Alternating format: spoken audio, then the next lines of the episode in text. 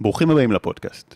היום אנחנו הולכים לדבר על אחת המהפכות הגדולות שמתרחשת עכשיו במדע, בהבנה שלנו על בריאות האדם, וגם בהבנה שלנו על מה זה בכלל בן אדם, מה מרכיב אותנו, מי אנחנו בכלל, וזאת המהפכה של מייקרוביום, חיידקי המעיים.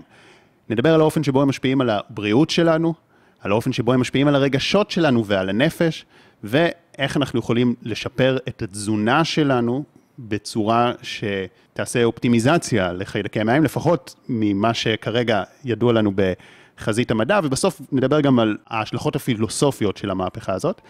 ובשביל הנושא הזה הזמנתי את דוקטור אמוץ זיו אב, דוקטור לביולוגיה תאית ומולקולרית, בעל פוסט-דוקטורט מאוניברסיטת סטנפורד, ומעורב במספר סטארט-אפים בתחום של מייקרוביום ושל בריאות. דוקטור אמוץ זיו אב, תודה רבה שהגעת. בשמחה רבה. אז לפני שנסביר רגע מה זה מייקרוביום, מה הם אותם חיידקים, מה התפקיד שלהם, סיפרת לי על איזשהו מחקר שפשוט אה, שומט לצדות, אז כן. אני אשמח שנתחיל איתו. מדובר על אה, אחד המאמרים הכי מרגשים מבחינתי בשנים האחרונות, והמאמר הזה, מה שהם עשו, הם עשו העברה של חיידקים, כלומר השתלת צואה, מעכברים צעירים לעכברים זקנים, והחזירו את העכברים הזקנים אחורה בזמן, הפכו אותם ליותר צעירים, גם מבחינת הביולוגיה של מערכת החיסון שלהם למשל, ואפילו מבחינה התנהגותית. הם אשכרה לקחו עכברים זקנים וגרמו להם להיות יותר צעירים על ידי העברת חיידקי מעיים. זה דבר מאוד מטלטל, במיוחד שאנחנו מבינים אה, מה זה אומר בעצם, מה המשמעות העמוקה של הזדקנות ושל אריכות ימים. כי אם אתה מסתכל בטבע למשל, אז בטבע אין אה, מחלקה פנימית ג' ואין אה, טיפול נמרץ ואין הארכת חיים מלאכותית. בטבע הדיל מאוד מאוד פשוט. אתה יותר בריא, החיים שלך יותר ארוכים. פחות בריא, החיים שלך קצרים. גם כשאתה מסתכל על centenarians, אותם זקנים מופלאים שעוברים את גיל 100, 105, 110 וחיים בבריאות ובצלילות, אתה רואה שזה לא שבן אדם בן 110, זה לא שהוא כאילו הצליח בשלושים השנים האחרונות להתמודד יותר טוב עם מחלות הזקנה, אלא שכל הפאזה הזאת של מחלות הזקנה נדחתה אצלם. זה אומר שבעצם השורה התחתונה האמיתית של אורך חיים זה בריאות טוטאלית. זה דחייה גורפת של כל המחלות. שיצור בטבע מאריך ימים, זה אומר שכל הסיבות למות מהם, למעט כל מיני תאונות כמו טריפה או שאם הוא נפל מאיזה צוק, זה אומר שכל הסיבות של התחלואה נדחו, ובגלל זה הוא האריך ימים. זה מבחינתי השורה התחתונה, זה הדבר המרגש בהבנה של התהליך הזה שנקרא הזדקנות. זה לאו דווקא שאנחנו רוצים להגיע לגיל 150, אבל אנחנו כן היינו רוצים לומר להגיע לגיל 110 או 120 בריאים. עוד אנקדוטה מאוד מעניינת לגבי סנטנריאנס, אותם זקנים מופלאים, זה שאם אתה משווה אה, בן אדם שמת בגיל 80 נאמר באופן ממוצע, 80, 80 וקצת, ורוב האנשים בסוף החיים שלהם הם חולים איזה חמש או שש שנים. סנטנריאנס, אלה שחיים עד גיל 105, 110, 117, 123, הרבה מאוד מהחבר'ה האלה חולים בסוף החיים שלהם שבוע, שבועיים, חודש, או וחלקם הגדול פשוט הולכים לישון ולא מתעוררים. ורק זה, אפילו אם ניקח מהסנטנריאנס רק את הדבר הזה, איך לא להיות חולים ולהירקב בבתי חולים בסוף החיים, זה לכשלעצמו בלבד כבר איזה מין יהלום שהיינו רוצים לקבץ אותו מתוך המדע הזה של חקר ההזדקנות.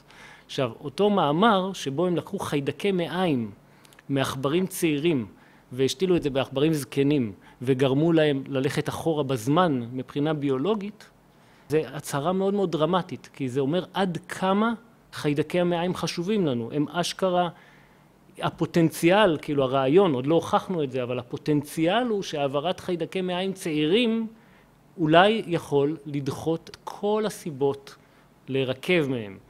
ולפני חודשיים בערך יצא מאמר נוסף בליין הזה, שהראה שזה גם הפוך, הוא לקחו חיידקי מעיים מעכברים זקנים, השתילו אותם לעכברים צעירים וקיבלו הזדקנות מואצת, מחלות עיניים מואצות.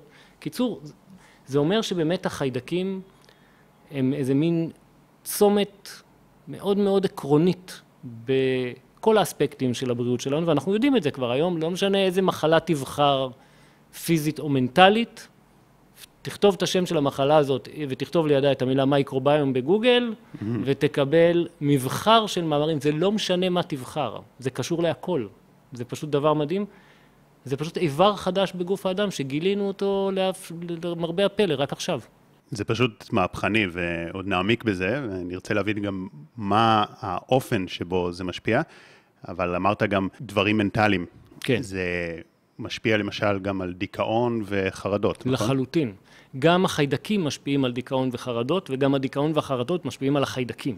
עשו מחקר, לקחו קבוצה של נשים וחילקו אותה לשתיים. חלק נתנו להם לשתות יוגורט אה, נורמטיבי, וחלק נתנו להם לשתות יוגורט שהוסיפו לו חיידקים פרוביוטיים, שהיה יוגורט עשיר במיוחד בפרוביוטיקה, חיידקים מועילים. זה מה שנתנו להם לארבעה חודשים. אחרי ארבעה חודשים הכניסו אותם למכשיר שקוראים לו Functional MRI, שבודק את הפעילות החשמלית באזורים שונים בתוך המוח, ותוך כדי שהן נמצאות בתוך המכשיר של ה-FMRI, נתנו להם להסתכל בסדרה של פרצופים מפחידים על מסך, ומדדו את הפעילות המוחית שלהם באזורים במוח שקשורים לפחד ולחרדה. הדבר המטורף שהם הראו במאמר הזה זה שאותן נשים שקיבלו את היוגורט האקסטרה פרוביוטי, הפעילות החשמלית באזורים שקשורים לפחד וחרדה במוח שלהם הייתה יותר חלשה. זה דבר מדהים, זה אומר שבעצם יוגורט הוא חומר משנה תודעה במובן העמוק ביותר של המילה. זה סוג התוצאות שהייתי מצפה מטקס היוואסקה שיעשה לי. שיוריד לי את החרדתיות הכללית של החיים. כי זה אומר שעכשיו הנשים האלה הן הולכות ברחוב, רואות איזושהי סיטואציה שאמורה, איזושהי תמונה, כמו שהם ראו בתוך המכשיר, שאמורה לעורר איזושהי ריאקציה של פחד או חרדה, והן פחות חרדות. אז אנחנו באותו רגע, יש גם הרבה דוגמאות לזה, אבל זו דוגמה שמראה שהפעילות של חיידקי המעיים היא משנת תודעה. אני רגע אפתח פה סוגריים, כי אני עוד רוצה שנתעמק בהבנה ועוד לא נגיע למה לאכול, איך לאכול, mm-hmm. אבל האם זה אומר שיוגורט הוא מומלץ, או שזה יוגורט מסוג מסוים? באופן כללי אני חושב שכן, אבל אני לא הייתי הולך לסופר, באופן כללי, לא הייתי הולך לסופר בשביל לחפש מוצרים מעודדי בריאות. אז כשאני אומר יוגורט, אני מדבר על איזשהו יוגורט מאיזה מחלבת עיזים קטנה, אורגנית, בוטיקית, שמתייחסת יפה גם ללקוחות וגם לעיזים. ויוגורט כזה, במינון קטן של נאמר איזה כוסית ביום, לדעתי לרוב האנשים זה דבר נחמד מאוד. זאת אומרת, היוגורט שאנחנו מכירים בסופר זה לא מה שיעשה את הפלאים של... אני אישית באופן חושב שלא נכנסים לסופר להוציא משם מוצרים שמקדמי בריאות. זה פשוט לא המקום. זה כמו שאני לא הולך לחפש אומנות בתחנת דלק. זה לא, בלי, בלי אה, ביקורת על תחנות הדלק. זה לא המקום. אז לצד היותר אה, מעשי של מה לאכול וזה, נחזור בהמשך.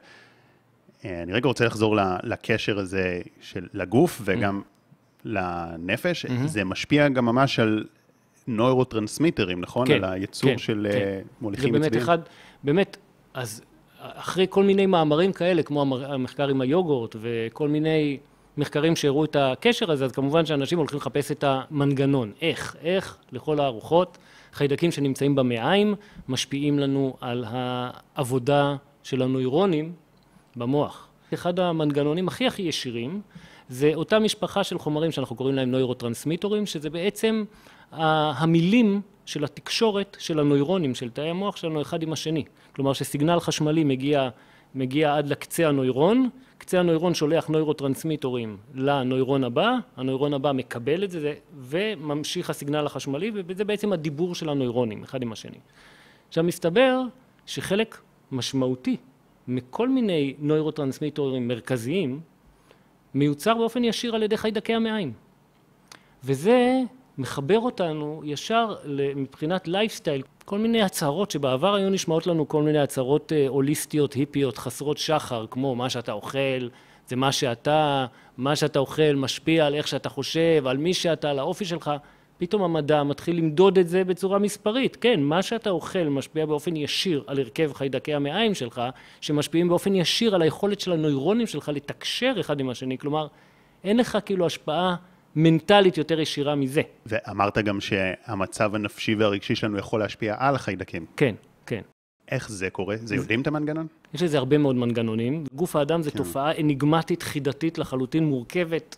ואנחנו בעצם כל פעם מצליחים למצוא, לאחוז בעוד איזה קצה חוט מסוים, ו, ואז אנחנו מאירים עליו, אז אני אגיד לך עכשיו איזשהו קצה חוט מסוים שהוא חשוב. עשו כל מיני ניסויים, למשל לקחת עכברים, להלחיץ אותם נפשית, אוקיי? שמו אותם באיזה כלוב קטן, לא פגעו בהם, במשך שעתיים שמים אותו בכלוב קטן, הוא מהצפיפות, אה, הם נלחצים, עשו את זה במשך שעתיים כל שבוע, הלחיצו אותם נפשית, וגילו שהלחץ הנפשי שלהם גרם להם לפגיעה באפיתל המעי.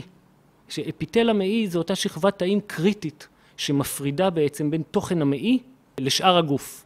עכשיו צריך להבין שהגבול הזה הוא נפיץ באופן יוצא דופן בגלל ש-70% מתאי מערכת החיסון שלנו גרים באופן קבוע במעי. תוכן המעי לעומת זאת הוא ג'ונגל פראי לחלוטין ומאוד מאוד רעיל מבחינת הגוף. למשל אם תוכן המעי נשפך לחלל הבטן בן אדם יכול למות תוך מספר שעות בעיקר בגלל שמערכת החיסון ברגע אחד פוגשת כמות מאוד גדולה של דברים שהיא לא הייתה אמורה לפגוש אותם עוברת אקטיבציה מטורפת ובעצם החולה מת מפעילות יתר מטורפת של מערכת החיסון. אז אותה שכבת תאים שנקראת אפיטל המעי שמפרידה בין תוכן המעי לשאר הגוף יש לה תפקיד חשוב מאוד מאוד בכל האספקטים של הבריאות שלנו כי ההפרדה הזאת היא בעצם יוצרת שלום. יש לנו בפנים אקו סיסטם שהוא לא נופל במורכבות שלו מהאמזונס מצד אחד, מהצד שני יש כאילו את כל מערכת החיסון וההפרדה הזאת היא ממש עניין של שלום, החיים שלנו תלויים בדבר הזה. וזה אחת התמות הכי חשובות לדעתי שמדובר עליהן היום בהקשר של חיידקי המעיים ובריאות האדם זה השמירה על התקינות של המחסום הזה. מסתבר שחיידקי המעיים שלנו יש להם תפקיד מאוד מאוד ישיר ומאוד אקטיבי בשמירה על המחסום הזה, באינטליגנציה שלו וביכולת שלו להיות סלקטיבי. Mm-hmm. זה ממש חלק, זה משהו שהאבולוציה נתנה לחיידקים תפקיד לעשות. שאנחנו אוכלים ג'אנק או כל מיני דברים ופוגעים בקהילת חיידקי המעי, המחסום הזה נהיה פחות סלקטיבי, דברים דולפים החוצה מהמעי, מה שאנחנו קוראים לו מעי דליף, מערכת החיסון נדלקת באופן קבוע, והיום אנחנו יודעים שדלקתיות יתר זה אחד הדברים שמקדמים תחלואה בכל המחלות הכרוניות כמעט שאנחנו מכירים. מכירים. אני יודע שמעי דליף זה משהו שהוא הרבה פעמים לא מאובחן, נכון? כן, כן. זאת אומרת שהרבה פעמים יש את זה לבן אדם והוא לא יודע שיש נכון. לו. אז איך בן אדם יכול לחשוב אם אולי יש לו איזה התחלה של זה? יש הרבה בדיקות שאפשר לעשות אה, בשביל לאבחן מעי דליף. הדבר הכי ישיר שגם נמצא בכל בדיקות, בבדיקות אה, דם רגילות, זה חומר שקוראים לו LPS. LPS זה חומר שחיידקים מייצרים על הדופן שלהם, וככל שמוצאים את החומר הזה יותר בדם, המשמעות של זה שהמחסום של המעי יותר רופף, והדבר הזה דולף מהמעי החוצה. עכשיו ה-LPS הוא חומר נפיץ ביותר, זה חומר נפץ למערכת החיסון. נפיץ ממש, מערכת החיסון רואה אותו, המסר זה יש פה חיידקים, צריך, אה, אנחנו במלחמה. ושאנחנו נותנים למערכת החיסון את המסר הזה במשך שנים רצוף, אז יש לזה תוצאות. היום אנחנו יודעים שכמעט כל המחלות הכרוניות הגדולות של העולם המודרני, מהשמנת יתר, אלצהיימר ופרקינסון ומחלות לב ואפילו מצבים כמו דיכאון ואוטיזם וכל מיני מצבים שלא קישרנו אותם, היום אנחנו, זה שיש להם דלקתיות וקשר למעי דליף ולקלקול של קהילת חיידקי המעיים, כמעט כל מחלה כרונית גדולה של העידן המודרני. זאת אומרת, אם היית צריך לתת הערכה לא מדעית לכמה אנשים יש... כמה אנשים המעיל שלהם יותר דליף ממה שאני הייתי רוצה לראות? כן. בהערכה אה, גסה, מעל 90 אחוז. וואו. זאת אומרת, אז מי יותר מי פחות, כן. וכולנו סובלים מזה במידה... במידה. זו או אחרת. אז נגיד אנשים שמרגישים עייפות וזה, זה גם כן, יכול להיות קשור. כן. שאגב, מעי דליף גורם באופן די ישיר למוח דליף. מה זה מוח דליף? גם במוח יש לנו BBB, את ה-blood brain barrier, זה מחסום מאוד קפדני בכלי הדם שעוברים בתוך המוח, שגורם לכלי הדם במקום הזה להיות הרבה יותר סלקטיביים, מה נכנס ומה יוצא, בגלל שהמוח הוא אזור מאוד רגיש ויש בקרה מאוד ברורה מה, מה יכול להיכנס למוח. מסביב לכלי הדם במוח יש ממש מבנה מאוד uh, מדויק, ש, שהוא ה-blood brain barrier, ומסתבר היום שהמעי שלנו נהיה דליף בגלל כל מיני דברים פשוטים שאנחנו עושים ברמת ה-lifestyle, כמו שימוש יתר באנטיביוטיקה, סתם ככה, mm-hmm. או אכילה של יותר מדי סוכר. שאנחנו פוגעים בקהילת חיידקי המעיים שלנו והמעי שלנו נהיה דליף, כל מיני חומרים כמו LPS בעצמו מגיעים למוח וגורמים גם לקלקול של המחסום הזה. והיום אנחנו יודעים ממש שמעי דליף יכול לגרום למוח דליף. ואז דברים שלא היו אמורים להיכנס למוח נכנסים למוח ומדליקים את מערכת החיסון המקומית שנמצאת בתוך המוח ואז אנחנו מקבלים דלקת גם במוח. והיום אנחנו יודעים שכל מיני מחלות נוירודגנרטיביות מפורסמות, כמו למשל אלצהיימר ופרקינסון, יש להם את המוטיב המאוד ברור הזה של דלקתיות במוח. שאחד הגורמים הברורים שלה זה, זה קלקול של המחסום החשוב הזה במעי, של אפיטל המעי, של מעי דליף. זאת אומרת, האופן שבו אכלנו בשנות ה-20, כן. ה-30, ה-40, משפיע שבו על... שבו אכלנו, האופן שבו נולדנו, מלא דברים. אני רואה את זה מאוד אופטימי, כי אנחנו מתחילים להבין שכל מיני מחלות כרוניות בלתי פתירות עד עכשיו, פתאום אנחנו מתחילים להבין שוואלה, יכול להיות ש... הרבה הרבה הרבה הרבה יותר פי אלפים, יותר יעיל מלנסות לטפל בהם בכל מיני כימיקלים מודרניים שחברות התרופות יתעשרו מהם, זה מניעה ברמה הביתית הפשוטה ביותר של תזונה וספורט, כל הדברים שאבותינו אמרו לנו כבר מזמן. אז בואו נגיע לזה באמת, ואיך מונעים את המעיד אליף, אם אתה אומר 90 אחוז מהאוכלוסייה בערך. אני כאילו בהערכה, בהערכה גסה. כן, כן, כי אי אפשר כי זה באמת נחשב משהו שקשה לאבחן אותו. נכון, ו... וגם השאלה היא מה הטרשולד, כן. כאילו, מה... יש שם ברמה כזו או אחרת, זאת אומרת, כן. הרבה, ומי שלא, אז כנראה, כנראה כן אפשר להגיד שזה 90 אחוז, יש להם במוקדם ובמאוחר איזשהו משהו בעיכול או במעיים. איך אנחנו פותרים את זה או משפרים את זה? אז uh, מסתבר שכל מיני דברים מאוד מאוד uh, עתיקים, ש... אבותינו אמרו לנו מזמן, אלה, זה פחות או יותר הדרכים שהמדע הכי הכי עדכני והכי חם מוצא. יש לו כמובן כלים מאוד מודרניים ומגניבים, אבל, אה, אבל למשל, אחד הדברים שחיידקי המעיים מאוד מאוד אוהבים לקבל, זה סיבים מהצומח. כשאנחנו אוכלים פירות וירקות, אז סיבים, מה, סיבים מהצומח זה, זה מולקולות שלנו, בגוף שלנו, כמעט אין את האנזימים לטפל בהם. אבל לחיידקי המעיים יש את האנזימים לטפל בהם. אני קורא למייקרוביום, לקהילת חיידקי המעיים שלנו, איבר שמתרגם לנו מסרים מעולם הצומח. למשל, סיבים מהצומח, אלה, זה מסר שמגיע מעולם הצומח. אנחנו לא יודעים לטפל במסר הזה, אבל חיידקי המעיים יודעים. חיידקי המעיים מפרקים סיבים מהצומח, יש להם את האנזימים לטפל בהם, ובתהליך הזה נוצרים חומרים שהיום אנחנו מבינים שהם קריטיים לכל הרמות של הבריאות שלנו, מהפיזי ועד המנטלי. למשל, יש משפחה של חומרים שקוראים להם short chain fatty acids, וה-short chain fatty acids האלה הם חיידקים, מייצרים אותם בזמן שמתסיסים סיבים מהצומח. עכשיו, אנחנו עברנו אבולוציה מאוד ארוכה, מיליוני שנים של אבולוציה, חיידקי המעיים שלנו היו רגילים לקבל מנה חודשית מסוימת של סיבים מהצומח, ופתאום ב-200 השנה האחרונות מאז המהפכה התעשייתית חתכנו להם את האספקה ב-90 אחוז. ויש לזה תוצאות רציניות, כי למשל, סתם אנקדוטה, אותה שכבת תאים קריטית, אפיטל המעי, חומר הדלק החביב עליה במיוחד זה short chain fatty acid מסוימת בשם בוטירט, שחיידקי המעיים מייצרים. כלומר, חיידקי המעיים מאכילים ישירות את התאים האלה זה לא, לא רק שהם דואגים לאינטליגנציה שלהם, הם דואגים גם לאנרגיה שלהם. חיידקי המעיים זה לא איזה קהילה אופורטוניסטית שהתיישבה לנו במעי כי נוח לה שם. הם מאכילים אותנו כמו שאנחנו מאכילים אותם, הם חלק אינטגרלי מהגוף. כן. אז פה מעלה לי שתי שאלות אה, לגבי ה... בפועל מה המדע יודע על זה, ומה לעשות עם זה, והשאלה הראשונה לגבי פרוביוטיקה. כן. אז אתה אומר, אוקיי, אנחנו כבר יודעים שיש איזה כמה חיידקים שהם מועילים שהצלחנו לזהות, אבל אני מניח שיש המון חיידקים. המון, כן. שאלה, האם יש תועלת בפרוביוטיקה, והאם כדאי לקחת את זה גם סתם ככה? כי אני אומר, זה גם אולי יכול להפר איזון. נכון. אז קודם כל זו שאלה טובה, והיא פתוחה. כי בדיוק מה שאמרת, להפר איזון, זה נקודה שבאמת ברגע זה ממש היא חמה מאוד מבחינה מחקרית. Mm-hmm. למה? כי נאמר, יש הרבה אנשים שאומרים, לקחתי אנטיביוטיקה, השמדתי את קהילת חיידקי המים שלי, אגב, זו פצצה אטומית רצינית ביותר לקהילת המייקרוביום שלנו. מהאנטיביוטיקה רחבה, מהאנטיביוטיקות החזקות, היא משמידה תוך שעות שלושת רבעי מהאקוסיסטם הרגיש הזה שיש לנו בבטן, זה באמת פצצה אטומית. ואז נשאלת השאלה, אוקיי, לקחתי אנטיביוטיקה, לקחת אחר כך פרוביוטיקה, כן או לא? אז הדעות חלוקות על זה, כי מצד אחד אומרים לך, כן, תוסיף שחקני חיזוק מועילים, זה טוב. מצד שני, יש קולות בתחום שאומרים, רגע, האקוסיסטם הזה רוצה לחזור לבלנס, וכשאתה מפציץ אותו בשחקן מסוג אחד, בריכוז מאוד מאוד גבוה, יכול להיות שזה אומנם שחקן טוב, אבל אולי הוא יפריע לשאר השכונה לחזור כאילו לבלנס הרגיל שלה. אז זו שאלה פתוחה.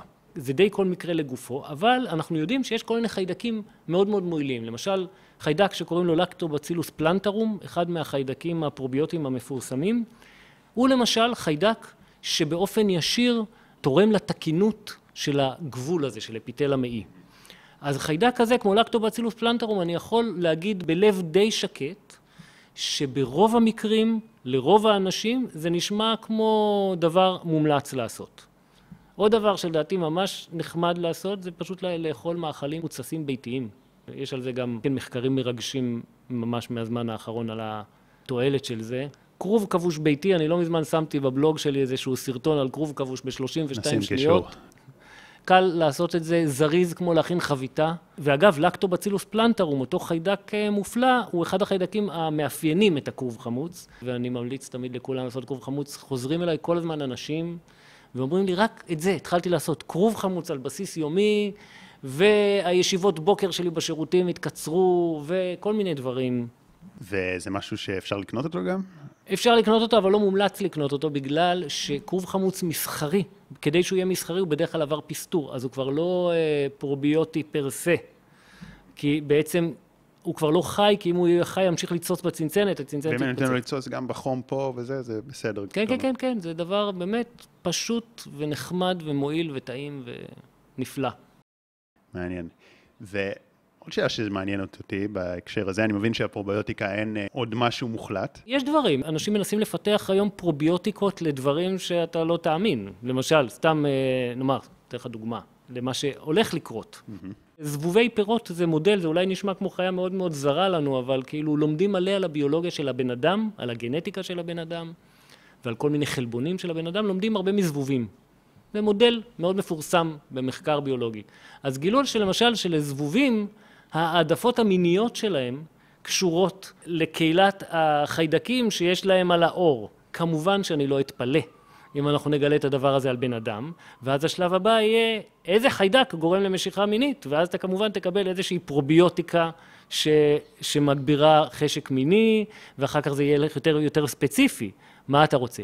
אה, לאיזה סוג של אוכלוסייה אתה רוצה שיימשכו אליך?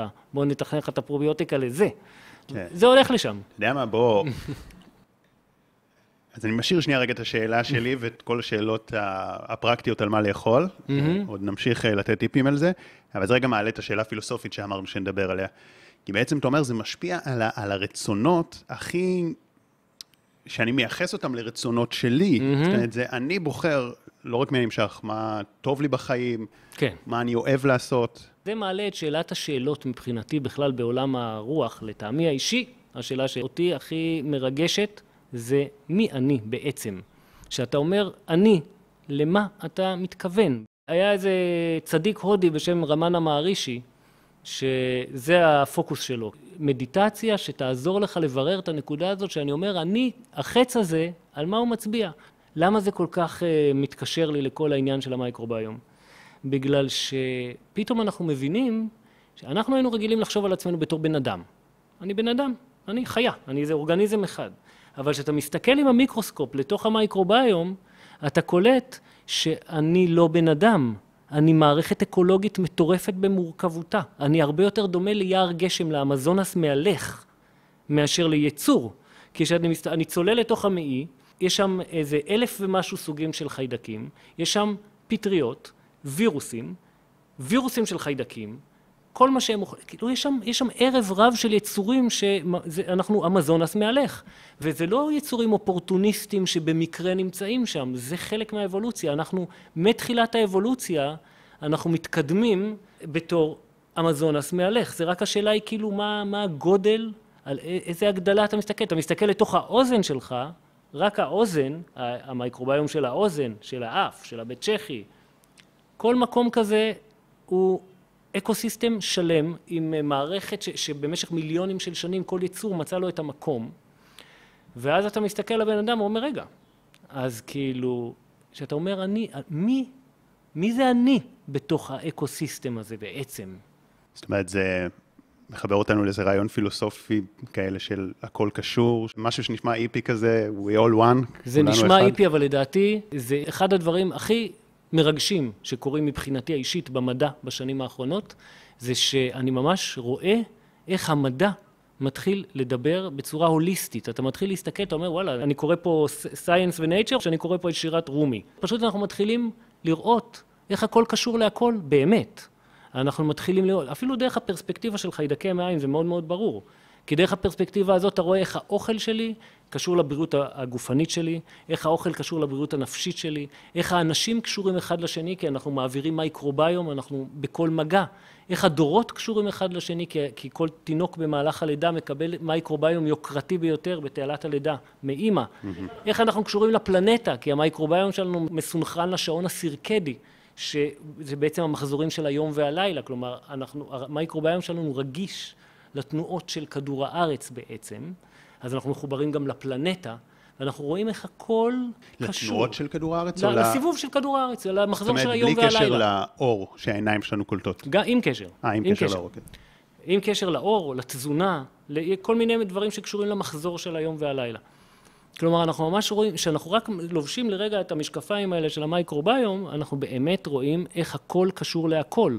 ואז אותו מדע מערבי רדוקציוניסטי שבעבר היינו מאשימים אותו שאתה רואה רק את הפרטים ואתה לא רואה את השלם פתאום אנחנו קולטים שאנחנו מתחילים לראות את השלם. אתה קורא מאמרים בנייצ'ר וסייאנס, שזה הכתבי עת הכי חשובים של המדע המערבי, פתאום מתחילים להגיד לך שחמוצים קשורים לקונטנט המנטלי שלך. כאילו יותר איפי מזה, וזה נמצא על המזבח הכי כן. חשוב של המדע המערבי. יש איזה שהן השלכות התובנה הזאת בעיניך, לאופן שבו אנחנו חיים את היומיום שלנו? כן, יש לזה תובנות עמוקות. כשבן אדם מבין שהוא ecosystem, אז התודעה היומיומית שלי, שאני סתם את בן אדם קטן, אני הולך, אני הולך לעבודה, אני בעצם, אני בעצם האלוהים של ecosystem שמורכב מאלפי יצורים, ושהתודעה שלי היא בעצם איזשהו מין קומבינציה של מלא מלא תודעות של יצורים, אז קודם כל זה נותן לי אחריות. על מה אני מכניס לפה בתור דבר ראשון, כי כשאתה מבין ש, שאני מכניס ביס לפה, זה כאילו עכשיו טסתי מעל האמזונס עם צי של מטוסים ואני מנחית אספקה של אוכל לכל ה ecosystem. זה מה שקורה כשאני מכניס ביס רנדומלי של איזה שטות לפה. כן. אז כשאני מבין שאני תודעת על שמנהלת פה ecosystem מטורף, אז קודם כל קצת אה, אחריות לגבי הדבר הזה, קודם כל. זה דבר אחד. דבר שני, שזה גם השלכות מאוד אנושיות לגבי, אפילו לגבי ענישה. כי למשל אנחנו גילינו, יש מחקרים מאלפים שמראים שהתנהגות אגרסיבית אצל בעלי חיים, כל מיני סוגים של בעלי חיים, מאוד מאוד קשורה לטיב המייקרוביום שלהם. אנחנו לוקחים בן אדם שהתנהג בצורה אגרסיבית, מכניסים אותו לכלא ל-20 שנה, שאולי זה, בכלים שהיו לנו עד עכשיו אולי זה היה מוצדק. יכול להיות שאנחנו דרך מניפולציות על המייקרוביום שלו ועל התזונה שלו, אנחנו נוכל לשחרר אותם משם אחרי שנה, עם uh, התנהגות הרבה הרבה יותר תומכת לעצמו ולקהילה. כלומר, יש לזה השלכות מרחיקות לכת. בכלל, האמונה ששינוי אפשרי בהרבה דברים. כן, כן, לגמרי. זה, זה, זה כבר לדעתי, עברנו כבר את ה... אנחנו כבר... גם המדע, המדע המערבי, הכי מערבי ולא הוליסטי, מבין שמה שאנחנו עושים ברמת הלייפסטייל שלנו, תזונה, שינה, ספורט, כל מיני דברים כאלה, משפיעים על המבנה שלנו, האישיותי גם. אם זה כל כך נתון לשינוי, למה בכל זאת יש לאנשים מייקרוביום מסוים? ולמה לאנשים מבוגרים יותר יש מייקרוביום מסוים ולאנשים צעירים מסוים? בכל זאת יש פה איזה משהו שכן הופך את זה לדי קבוע. נכון. אנשים יקרים, מיד נמשיך בפרק. רק רציתי לספר לכם, שאם אתם אוהבים את הפודקאסט, אני מזמין אתכם להצטרף בחינם אל קבוצת הוואטסאפ הסגורה, שבה אני שולח פעם בשבוע משפט השראה, פלוס תוכן מעצים ואיכותי. קישור ההצטרפות נמצא בתיאור למטה. וגם מזמין אתכם לעקוב באינסטגרם ובטיק טוק, שם תוכלו למצוא סרטונים ממוקדים וככה לצרוך תוכן משמעותי שתורם להתפתחות שלכם באופן יומיומי. ואם גם בא לכם לשתף את הפרק בסטורי ולתייג אותי, תדעו שאני תמיד משתף גם אצלי, ואני מאוד מעריך ומוקיר את השיתופים שלכם. זה עוזר לי להגיע לעוד אנשים ונותן לי מוטיבציה להמשיך להשקיע ולייצר את התכנים הכי איכותיים שאני יכול. מודה לכם על ההאזנה והתמיכה, ואנחנו ממשיכים. אנחנו לא יודעים את התמונה השלמה, התופעה היא too much מורכבת, אבל אנחנו מתחילים לקבל פיסות מהפאזל. יש את המייקרוביום שקיבלת מאימא, דבר ראשון. קודם כל, אתה כבר נולדת בלידה רגילה קיבלת מאימא שלך מייקרוביום מסוים. הספתח של הבנייה של המייקרוביום כבר הגיע מספתח מסוים. אבל נגיד אחר כך, במהלך החיים, אני פוגש ילדים אחרים, אני, אני נחשף להמון, אז למה אני עדיין נשאר עם אותו מייקרוביום? אתה לא נשאר עם אותו מייקרוביום. אתה, המייקרוביום הוא מאוד מאוד, אה, מאוד מאוד דינמי, מאוד מאוד משתנה. עד כדי כך הוא משתנה, שלמשל, אם, אם עכשיו אתה מביא כלב הביתה, ואתה תבדוק את המייקרוביום שלך היום ומחרתיים, מחרתיים אתה כבר תראה שהמייקרוביום של הכלב הלך שני צעדים לכיוון שלך, והמייקרוביום שלך נהיה שני צעדים לכיוון של הכלב. במיוחד, אתה יודע, ילדים שמלקקים את הפנים, והכלב מלקק להם את הפנים וזה, המייקרוביום שלנו משתנה כל הזמן. אתה נוסע היום לבנקוק, מחר בבוקר המייקרוביום שלך השתנה. שזה אגב, מבחינתי, מבחינה פילוסופית, גאונות מדהימה של הטבע. כי בעצם היום הרבה חוקרים מדברים על זה, ואני לגמרי איתם, קוראים למייקרוביום העונה השלישית של המוח. מבחינת החשיבות שלו גם על כל האספקטים של, ה, של הייצור, של התופעה הזאת שנקראת בן אדם. ובעצם יש לנו שתי עונות של המוח שהן קבועות, שהן עשויות מנוירונים שנמצאים על מקומם כל החיים שלנו, ויש לנו עונה אחת של המוח שנמצאת אצלנו בבטן, שעשויה מסוג אחר לגמרי של תאים, מחיידקים, והיא משתנה מאוד מאוד מהר. כלומר, המוח שלנו מורכב מחלק אחד שקבוע וחשוב בשביל הדברים, זיכרון, כל מיני דברים שאנחנו צריכים בשביל הקביעות, וחלק אחד שחש את הסביבה ואת התזונה ואת החברה ומשתנה איתו. עכשיו, המייקרוביום שלנו משתנה מאוד מאוד מאוד מהר. כלומר, אם אנחנו משווים, נאמר בן אדם, אנחנו, זמן דור שלנו זה 25 שנה. כל 25 שנה אנחנו מביאים את הדור הבא. חיידקים מביאים את הדור הבא כל 20 דקות. Mm-hmm. זה אומר שעלינו עוברים עשרה ימים, זה מקביל בערך ל-18 שנה בחיים של חיידקים. וזה מאוד אופטימי גם כן לדעתי, כי זה, זה בעצם מרמז על זה שבעצם יש לנו פתח די רציני לשנות את המייקרוביום שלנו, כי הם משתנים נורא נורא מהר. ובכל זאת אנחנו רואים אנשים שלוקחים פרוביוטיקה, שמשנים נכון. סביבה, כן. והם נשארים נכון. עם מייקרוביום דומה, אז יש אז... פה איזה משהו, לא? זאת אומרת, וגם למה לילד מסוים יש את המייקרוביום הזה, והם כולם באותו כיתה? הגנטיקה שלנו קשורה בהרבה הרבה מאוד צורות. למשל, הגנטיקה שלנו קשורה, סתם דוגמה, לאופי של מערכת החיסון. האופי של מערכת החיסון וה, והגבול הכל כך עדין הזה שיש שם במעי בין מערכת החיסון והחיידקים, אז זה למשל מקום אחד שבו הגנטיקה שלנו למשל יכולה לשנות את אופי חיידקי המעיים שלנו. גם כמו שאמרתי, מייקרוביום זה eco-system. Mm-hmm. ו eco-system יש לו נטייה לשמור על שיווי משקל. כלומר, עכשיו אתה עושה איזשהו אסון לאיזשהו eco-system, תבוא אחרי ככה וככה שנים, אחרי שריפה של יערות הכרמל, תבוא אחרי עשרים שנה, אתה רואה שיערות הכרמל אה, חזרו למצב מאוד מאוד דומה למה שהיה לפני. בגלל שה eco-system כאילו זה משקם את עצמו. אז זה ברכה וקללה, זאת אחת הסיבות שיש את התופעה הזאת של יו-יו בדיאטה. בגלל שעשית אפילו, עשית איזשהו שינוי תזונתי, שינית את המייקרוביום שלך, אבל ה ecosystem, יש לו איזו נטייה לחזור למצב הקודם שהוא היה בו. זאת אומרת, משהו אחד שקובע את האקוסיסטם זה התזונה שלי, כי כן. זה המזון בעצם mm-hmm. לאותם חיידקים. אז כן. זה מה שאני מאכיל אותם, שם הם גדלים. כן. אבל יש גם משהו בעצם במבנה של יש, המעיים, יש שם... של מערכת החיסון כן. של הגוף שלי? יש גם את האספקט הזה. וכמובן שאי אפשר לזלזל בו, אבל אנחנו יודעים ששינויים תזונתיים, במיוחד שינויים תזונתיים ארוכי טווח, זה מניפולציה מאוד מאוד יעילה ומועילה, שאנחנו באמת באמת יכולים לשנות את המייקרוביום שלנו בצורה מועילה. אז רגע, זה אולי הדרך שבה גם, כי אמרנו גם שהתודעה שלנו משפיעה על המייקרוביום, כן. שהמצב הנפשי והרגשי כן. שלנו. והתחלת באמת לענות לי על זה, זאת אומרת, באיזה מנגנון, או באיזה אחד מהמנגנונים, אז אה, אז למשל, אה, נכון, היינו באותו, כן. באותו מחקר שלקחו עכברים והלחיצו אותם, אז גילו שהלחץ הזה גרם להם גם להתנהגות סטרסית וגם, לדל... וגם למחלות מעי דלקתיות. שאנחנו כולנו מכירים את הקשר הזה במעי רגיז, לחץ, סטרס, מחלות מעי, ואז מה שהם הראו שם זה שבעצם הלחץ הזה גרם לפגיעה בדופן המעי, באותה שכבת תאים של אפיטל המעי, בגלל הפגיעה הזאת. כל החיה נהייתה יותר דלקתית, כי דברים דולפים מהמעי ומדליקים את מערכת החיסון. כשמערכת החיסון נדלקת, היא נהיית יותר תוקפנית ומשנה את המייקרוביום. זאת אומרת, היא תוקפנית גם כלפי החיידקים כן, הטובים. כן. זה דרך אחת. זה הכל אינטראקציות מעגליות, זה הכל אה, מזין. זה בעצם אומר שינוי אפשרי, אבל הוא מאתגר בגלל שצריך לצאת מאיזשהו לופ, מאיזושהי... כן, אבל אני חייב להגיד שסתם, אחד הדברים הכי גדולים שאני חושב שבכלל בן אדם יכול לעשות לעצמו לבריאות, זה להפחית את צריכת הסוכר. פשוט, כולם יודעים את זה, אבל זה קשה. זה תיאורטית, זה נחשב קשה. אבל אני לאחרונה, אני הייתי אגב מכור סוכר אה, עצבני ביותר. עם שלוש סוכר, וטובל את האצבע שלי בנוטלה איזה עשר פעמים ביום, ממש מתדלק סוכר, כאילו, לפני לא כל כך הרבה שנים. והוצאתי את עצמי מזה בעזרת אה, פשוט חמישה ימים של איזה מין חצי צום כזה. ומאז יצאתי מזה לגמרי. ה craving הזה הולך ויורד בצורה שאותי מאוד הפתיעה. אני בעבר, שהיו אומרים לי קפה בלי סוכר, אני רק המשפט הזה היה מעצבן אותי.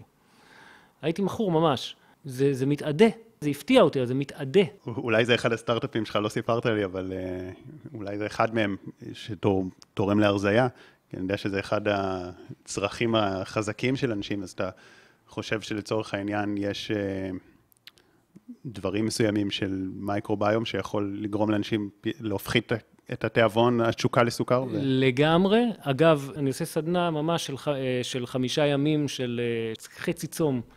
זה דבר די מדהים בגלל שזה, אתה בעצם צם בלי לצום. זה די מהפכני, זה הגיע ממטבחו של איזשהו חוקר מאוד חשוב בתחום שקוראים לו וולטר לונגו, ואני פיתחתי לזה איזושהי גרסה אישית של זה, וזה כלי מאוד עוצמתי. וזה אגב גם משנה את המייקרוביום, וגם עוזר לרדת במשקל, להפחית סוכר. לא יודע אם זה יהיה טוב, אם יהיה פיתוח כזה, יכול להיות שזה יהיה פיתוח רע, mm-hmm. אבל מעניין אם זה אפשרי. אה, כי בעצם החיידקים סוג של אוכלים לך את הסיבים, שאתה ממילא לא יכול להפיק מהם קלוריות, אבל אני מניח שיש גם אה, מייקרוביום שיכולים לאכול לך אוכל שאתה זקוק לו, של קלוריות, לא? ואז אתה בעצם פחות... אה, השאלה היא מה זה, מה זה לאכול, כאילו, אתה יודע, הם עושים פרוססים... הם מפרקים אותו ואז אתה לא, ואז אתה, אתה לא יכול לא... להטמיע אותו. כי, למה אני חושב על זה? כי יש אנשים שהם אוכלים הרבה, ונשארים רזים, ו... mm-hmm. זאת אומרת, כאילו, הגוף שלהם פחות סופג אנרגיה, אז אני חושב אם זה בגלל ה... קודם כל, יש, יש היום אין סוף של מחקר, זה נושא מאוד חם, מה שאתה כן. עכשיו אה, נוגע בו, זה התחום של המייקרוביום והמטאבוליזם, השמנת יתר, איך לרדת במשקל. אז קודם כל, יש כבר חיידקים שהם ידועים בתור אה, חיידקים שיכולים לעזור לך לרדת במשקל, יש פרוביוטיקה שיש עליה, יש, יש כל מיני פרוביוטיקות ש, שזה תהליכים ארוכים יותר, כלומר חצי שנה או תשעה חודשים של שימוש בפרוביוטיקה הזאת עוזר לך לרדת במשקל. אז יש דברים כאלה כבר, אתה מביא אותי בעצם לדבר על אחד הדברים הכי מרתקים. השימוש באנרגיה זה בעצם סוג של שורה תחתונה של החיים. Mm-hmm. סתם, תיקח בן אדם, נאמר, הולך ברחוב, נופל מת. ועכשיו, לפני שלוש דקות הבן אדם היה חי, עכשיו הוא שוכב על הרצפה מת. מה ההבדל ביניהם? אבל אני לא מדבר עכשיו על, על עניינים רוחניים, אני מדבר על מבחינה יותר אה, ביולוגית, פיזיקלית. ההבדל העיקרי זה שהבן אדם שנפל על הרצפה עכשיו ומת, הולך להירקב כמו חתיכת בשר, על הפלנטה הזאת, ובן אדם שעומד, חי, הוא הולך להשתמש באנרגיה שהוא מפיק מהמזון, בשביל לא להירקב, אלא לשמור על המבנה והתפקוד שלו, ולא סתם לשמור, אלא אפילו לגדול ולהתפתח. כלומר, השימוש באנרגיה, שימוש אקטיבי הזה באנרגיה, זה פחות או יותר מאבני הבניין, אולי זה האבן בניין של החיים, כפי שאנחנו מכירים אותה.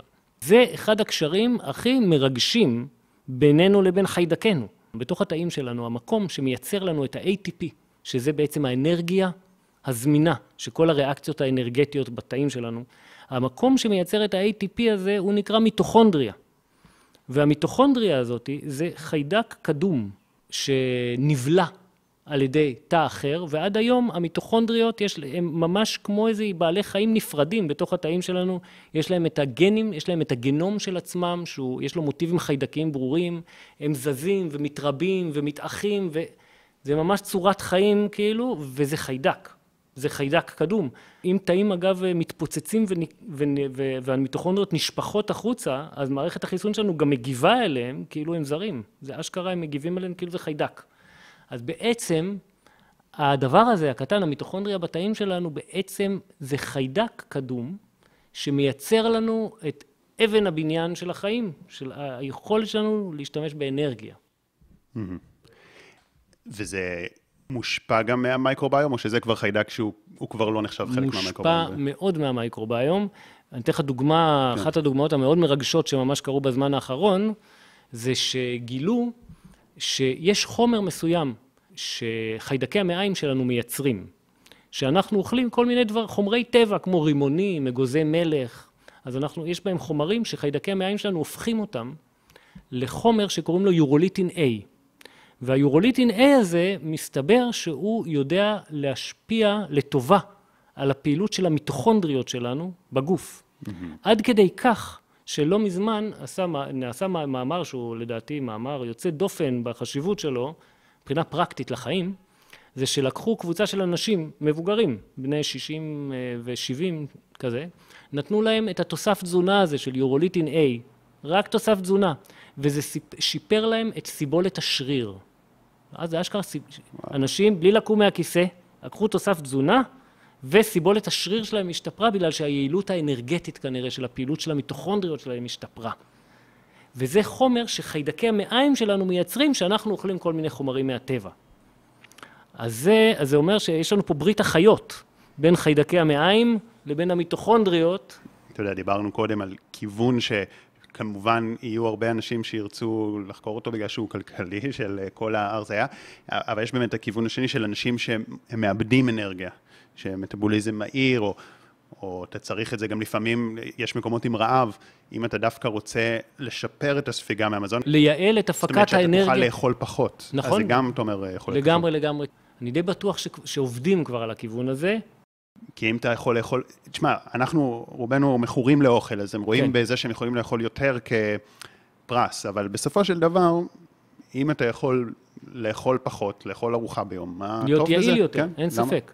וגם אם אתה, בכלל, אנחנו יודעים היום, באופן כללי, אנחנו יודעים משהו לאכול פחות, במילים פשוטות, זה אחד הדברים הכי עוצמתיים שאנחנו יכולים לעשות לנו לבריאות, ולא משנה איך אתה תאכל פחות. אם, אם סתם תאכל פחות, זה מדהים. אם יום בשבוע לא תאכל בכלל, כן. זה מדהים. כל צורה שבה אתה תאכל פחות, זה מדהים. בסופו של דבר יש גם אנשים שהם כן צריכים... נכון. למשל, אפריקה, מדינות שבהן יש. רעב, אם אנחנו נוכל לפתח להם פרוביוטיקה, שהם יאכלו את אותו דבר, אבל יפיקו מזה יותר אנרגיה, זה דבר מדהים. אז אנחנו יודעים היום שהמגוון של המייקרוביום, המגוון החיידקים, הוא ממש מקושר לבריאות כללית. כלומר, אנחנו רואים כמעט בכל מחלה שנסתכל עליה, אה, כרונית, מהמחלות הגדולות, אנחנו רואים ירידה במגוון, כלומר פחות זנים, ולאחרונה פורסם מאמר פסיכי לחלוטין לטעמי האישי, שהראה שאפילו אה, אנשים שיש להם מגוון חיידקי יותר גדול, הם גם יותר חריפים מנטלית. זה ממש דבר חדש, בדקו את זה על כמות מאוד גדולה של אנשים, עשו להם מבחנים קוגניטיביים והשוו ל... ל... מעניין, אז בעצם איך אני מגביר את המגוון? פשוט אוכל יותר או. סוגי מזונות? אז אה, כן, אז קודם כל לאכול, אה, יש כל, כל מיני טיפים איך להגביר את המגוון. אז קודם כל לאכול באמת כל מיני סוגים של פירות וירקות, בגלל שכל סוג, סיבים קצת אחרים, חומרים קצת אחרים, וככל שאתה אוכל יותר, אתה מתדלק יותר סוגים כן. של... זאת אומרת, אני לא, זה לא שיש את המייקרוביום בירקות, אלא שפשוט אני נותן להם אוכל, כן. ואז הם יכולים בדיוק. לצמוח. זה דבר אחד. דבר שני, להפחית את צריכת הסוכר, אחד הדברים שהם לא טובים למייקרוביום שלנו. פוגע בו, כן. או שפשוט גורם לזן מסוים להשתלט? האמת היא שסוכר זה באמת, אני חושב, ברגע זה, צריכה עודפת של סוכר, לא סוכר עצמו. סוכר עצמו הוא בובלה, זה כל הביולוגיה של הפלנטה הזאת בנויה על סוכרים. אבל uh, צריכה עודפת של סוכר, זה הקילר, לדעתי, מספר אחד של העולם המערבי. של סוכר מעובד או גם פירות? של סוכר מעובד. יש כמה הבדלים מאוד רציניים בין פירות, נאמר, שזיף שמכיל כפית סוכר בתוכו, הוא שונה באופן מהותי מכפית סוכר. מהרבה סיבות. אז לי אין שום עניין, פירות זה דבר נפלא. כמובן, אם אתה תשב כל יום ותאכל עשרה מנגו קיט, המנגוים הענקיים האלה, הירוקים, yeah. שכל אחד שוקל קילו, תאכל כל יום עשרה כאלה, זה אולי לא טוב. אבל, אה, אבל בעיקרון, פירות זה דבר נפלא. אז uh, לאכול מגוון של סיבים מה, מהצומח זה דבר מעולה. כמה שפחות שימוש באנטיביוטיקה זה, זה דבר טוב. אם אפשר לסנן את המים בבית, לא לשתות כלור, דבר פשוט, כלור, כלור זה, כלור נמצא שם בשביל למנוע צמיחה של חיידקים בצנרת, אז זה אולי נחמד בצנרת, אבל זה לא דבר שאנחנו רוצים להכניס אותו אלינו לגוף. תמי ארבע, אני, אני חושב שהוא מסנן, אבל גם בריטה, גם אוסמוזה הפוכה, כל, כן. אתה יודע, יש, כל, יש הרבה סוגים של פתרונות לסינון מים. אה, לאכול מאכלים מוצסים, על בסיס יומי, מאכלים מוצסים ביתיים, זה אחד הדברים הנפלאים. יש יוגורט, קמבוצ'ה, קימצ'י, כרוב חמוץ, אה, מלפפונים חמוצים ביתיים, כל הדברים האלה מעלים את המגוון. כן. אה, לעשות ספורט, לקחת קצת אומגה 3 וויטמין D, אם חסר. זה גם דברים, שני חומרים שהם... הם, אה, שהם גם משפיעים על המייקרוביום? גם משפיעים על המייקרוביום. יש כמה, יש כמה תרופות, שכמו אדוויל וחוסמי חומציות, שהם לא טובים לקהילת חיידקי המעיים. אני אישית, היה לי סיפור לא מזמן, אה, סיפור אישי, שפעם ראשונה בחיים שלי, בגלל איזו עקירת שן נוראית שהייתה לי, הייתי בכאבי תופת איזה כמה ימים, והיה לי אדוויל, אז לקחתי אדוויל. פעם ראשונה בחיים שלי, שבמשך כמה ימים רצוף אני נוגע בדבר כזה, ואחרי איזה כמה ימים, פתאום אני קולט שהכאבים כבר עברו, אבל אני מרוסק מבחינה נפשית. ואמרתי, זה לא יכול להיות, זה, זה, זה לא, מה זה, אדוויל? זה לא, מה זה חומר פסיכואקטיבי? ואז uh, הלכתי לקרוא. אני, אני כאילו microbiome oriented, ישר הלכתי, כתבתי ישר, היי, אדוויל למייקרוביום, לראות כאילו, כי התחושה שלי הייתה שחטפתי פגיעה במייקרוביום. ווואלה, מסתבר שאדוויל באופן ספציפי הוא ממש אה, משפיע על, על המייקרוביום בצורה שמאוד מאוד דומה לאנטיביוטיקה עצבנית. יש גם בקיבה חיידקי? כי אני זוכר ש... כן. מדובר שהוא עושה קיב קיבה, אז הייתי, זה גם יש. יש, יש חיידקים בקיבה, חיידקים שיודעים להתמודד עם החומציות הזאת. אה, נכון, כל ההליקובקטור. ההליקובקטר וזה. וחבריו. ואז זה גם קשור למייקרוביום בעצם, לתזונה? בטוח שזה קשור. בכלל, הליקובקטר הוא, אה, הוא חיידק נורמלי שנמצא בזה שלנו, בגלל כל נסיבות, שאגב, שימוש באנטיביוטיקה, זה אחת הסיבות, הבלנס. כן. האמת, זה נראה לי הזוי. אני מכיר כל מיני אנשים שהיה להם בעיות עיכול, מצאו הליקובקטור, אמרו זה באשמת ההליקובקטור, נתנו מלא אנטיביוטיקה מאוד חזקה, כי צריכה... כן, זה קומבינציה של שלוש כאלה. ומה קרה להליקובקטר? למה, מה קרה לבעיות עיכול? כן.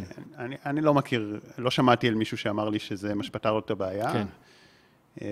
תראה, אני מניח שיש מצבים שכן, אני גם מכיר אנשים שכאילו לקחו אנטיביוטיקה וכמובן זה הציל את חייהם, כן? אנטיביוטיקה זה אחד מהניצחונות כן. הגדולים של הרפואה המודרנית, אין ספק.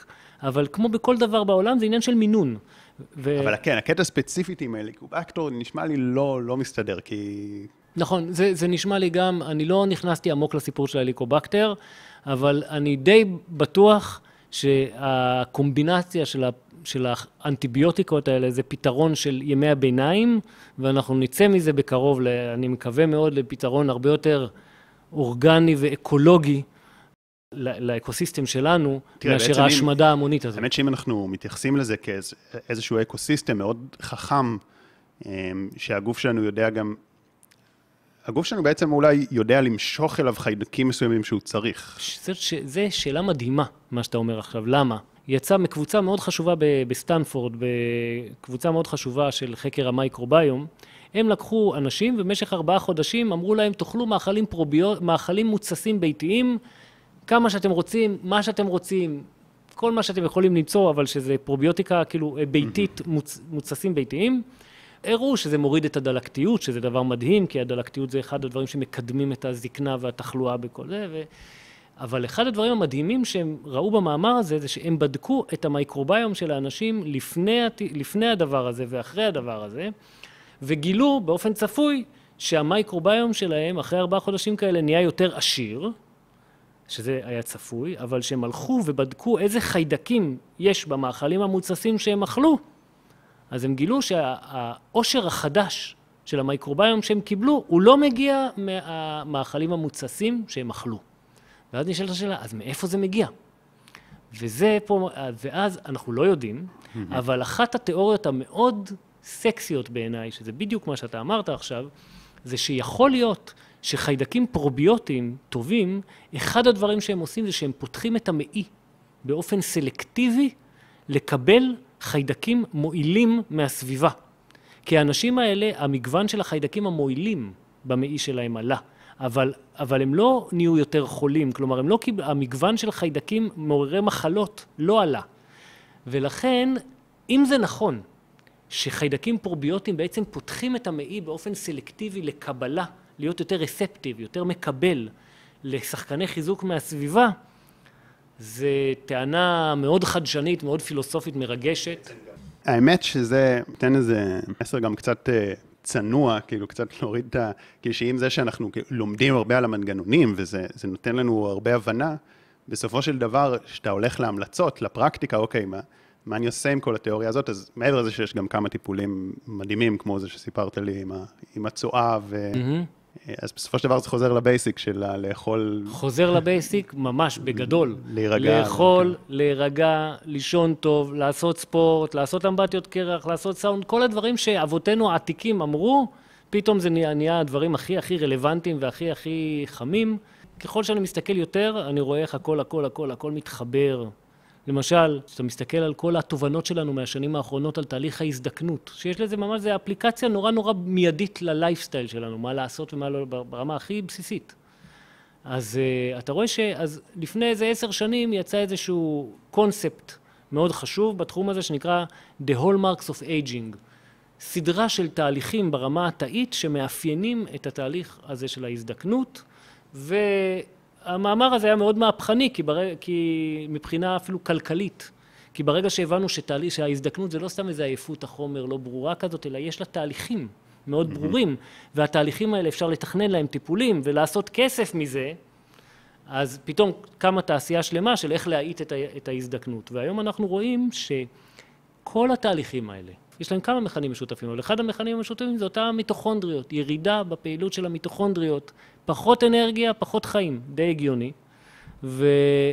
והיום אנחנו רואים שכל הדברים הכי בריאים שאנחנו יודעים, לעשות ספורט, לצום, להיכנס לאמבטיית קרח, להיכנס לסאונה, כל הדברים האלה, לאכול פחות, לאכול ירקות, כל הדברים האלה הם באופן ישיר תורמים לנו לפעילות של המיטוכונדריות, כלומר יותר אנרגיה, אנרגיה זה החיים, בקיצור.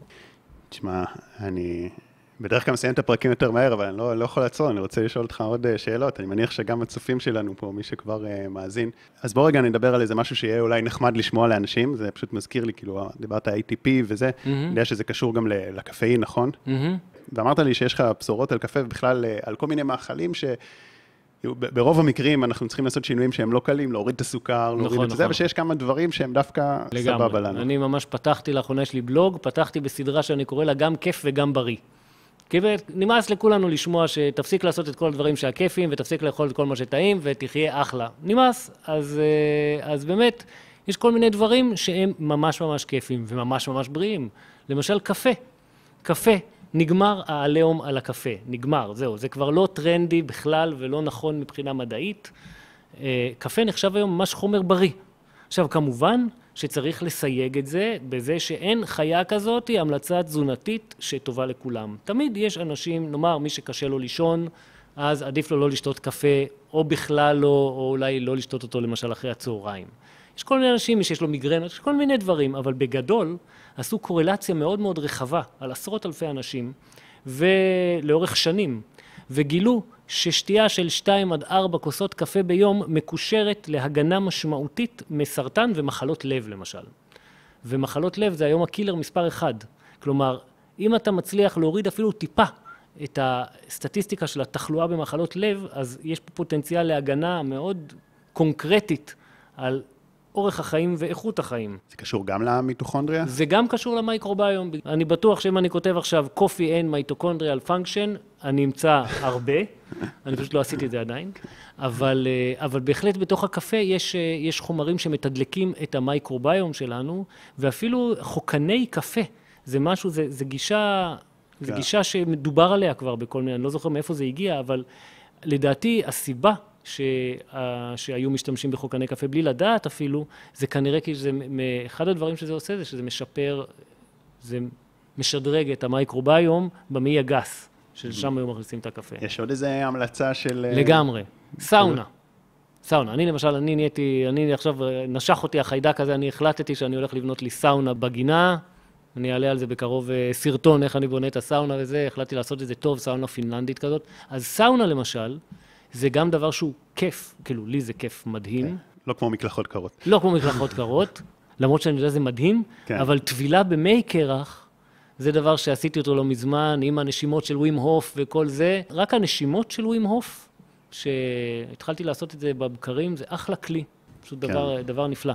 אבל סאונה, למשל, ממש נחשב אחד הדברים הבריאים ביותר, ואפילו, אתה יודע, השורה התחתונה של בריאות זה אריכות ימים, כמו שאמרנו, לא אריכות ימים של בן אדם שמחובר למלא מכשירים, אלא אריכות ימים יותר טבעית, ויש, נעשה מחקר ארוך שנים בפינלנד שהראה שככל שאנשים משתמשים יותר בסאונות, אז זה אשכרה מונע תחלואה מסיבית. אני חושב שהיה יכול להיות אפקט כזה גם בישראל, כי בפינלנד קר, ואז צריך איזה להיכנס לסאונה? שאלה טובה, אבל אני חושב ש...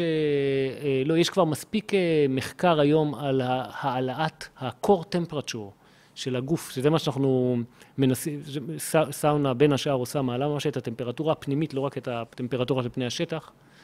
ויש היום הרבה מאוד מחקר, נושא מאוד מאוד חם. על ה... אני מניח שזה, שזה באופן כללי, שזה גם, גם הקור, גם החום, זאת אומרת, לא לפנק יותר מדי את הגוף. בדיוק. יש עיקרון, בכלל, עיקרון עתיק יומין בכל עולם הטבע, שאנחנו קוראים לו hormesis. hormesis זה בעצם מה שלא הורג מחשל. כלומר, מנה מסוימת של סטרס, מרקעים שונים, זה יכול להיות חוסר קלורי, כמו צום, זה יכול להיות פעילות גופנית, מאמץ יתר, שזה גם סטרס, זה יכול להיות חם לי מדי, קר לי מדי.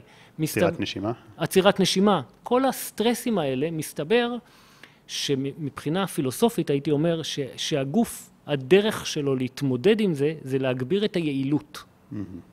ובעצם הגוף, שהוא נתקל במצב של סטרס, הוא מפעיל מנגנוני הגנה. כאילו הגוף אומר נאמר, אוקיי, חסר לי עכשיו קלוריות. מה אני עושה? אני מתחיל לייצר קלוריות על ידי מחזור של, אה, של חלקים בתוך התא.